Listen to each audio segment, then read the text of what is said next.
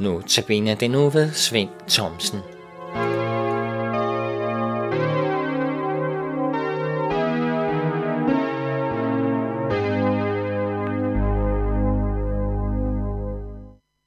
I den kommende uge er det Svend Thomsen, som holder notabene-andagterne. Og jeg, Henning Gorte, har Svend her i studiet og benytter anledningen til at præsentere Svend. Og velkommen, Svend. Tak for det. Og tak fordi du er der ved påtage dig at holde disse andagter. Nu har du jo i mange år været trofast omkring det at holde andagter. Men øh, fra gang til gang, så kan det vel være forskelligt, hvordan man kommer i gang med at skrive disse andagter, eller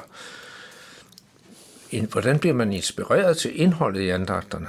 Hvordan er du kommet i gang denne her gang?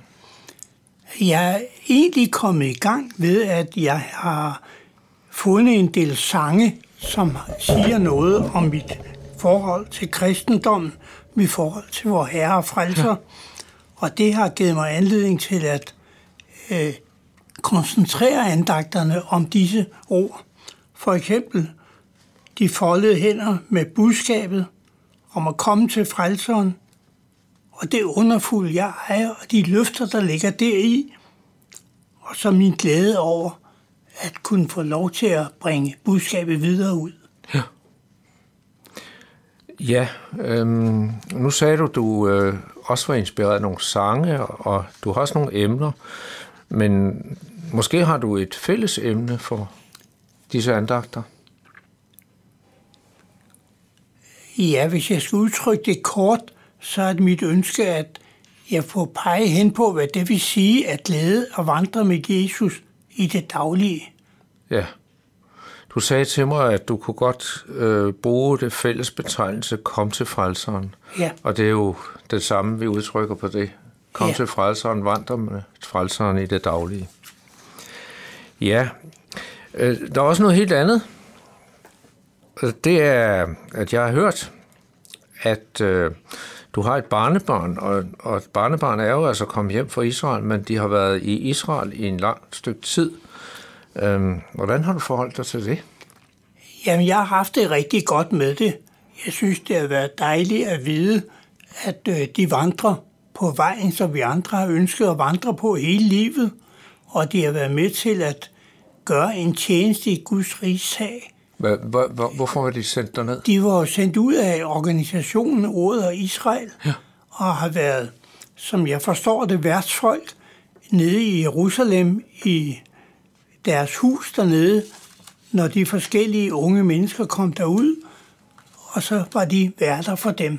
Ja, det er altså et hus, hvor der er en hel masse unge mennesker, der bor i... Det er ordet i... Israels hus i Jerusalem. Ja, og der bor en række unge mennesker for et ja, stykke dem, tid. dem, der rejser ud som, hvad hedder det? Volontør. Volontør, ja, blandt ja. andet. Ja. Men øh, jeg kan også godt forstå på dig, at, at øh, du, du kan godt tænke lidt på uroen, der kan være i Israel.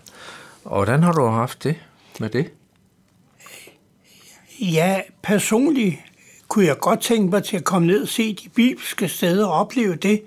Men jeg synes, den uro, der præger Israel under mange forhold, det har afholdt mig, eller os, fra at rejse derned. Ja.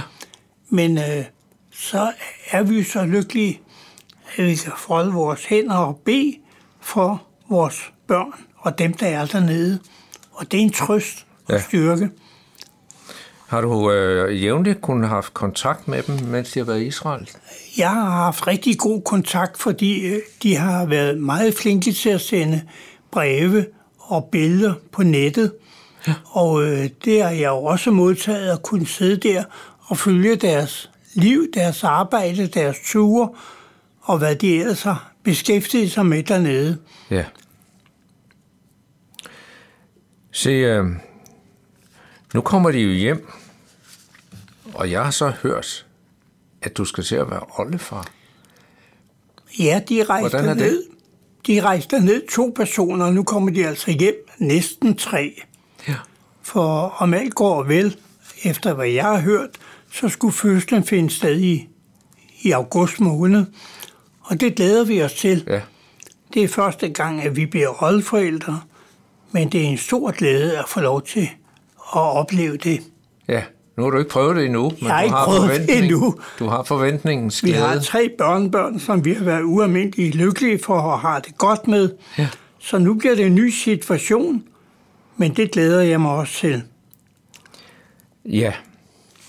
Øhm, men det der med familien, øh, jeg ved, det betyder meget for dig, men hvordan får du tid til at pleje familierelationerne? Hvad gør du for at pleje familierelationerne?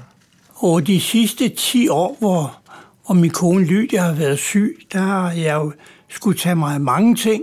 Ja. Og nu er hun kommet på plejehjem, og det gør det jo ikke nemmere.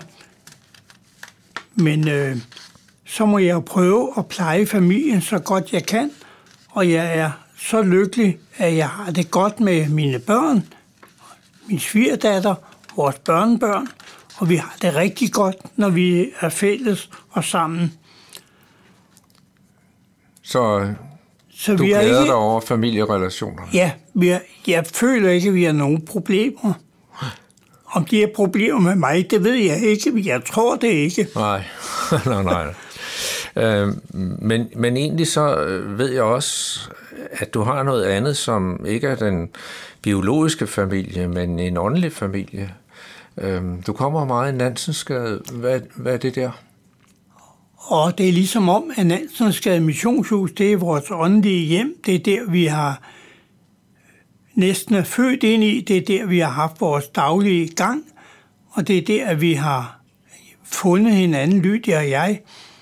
Og det følger vi stadigvæk, at det er vores åndelige hjem. Ja. Men på grund af hendes sygdom, så har det været lidt svært at komme derind. Men så har vi til gengæld deltaget aktivt, når der har været ældremøder derinde, Ja. ja. og trofast der. Men det andet, det kniver det lidt med at komme derind. Ja, Ja, så er der jo, hvis man har svært ved at kunne komme afsted, så er der denne mulighed at lytte til øh, nogle andagter, som disse notabene andagter. Men det kan også være, at du som lytter kan sidde tilbage med spørgsmål om det, der er blevet sagt, eller ønsker om uddybninger, så er du meget velkommen til at kontakte Københavns Nærradio. Du kan sende en mail til knr knr.dk eller du kan ringe til lederen Viggo Vive på 32 58 80 80.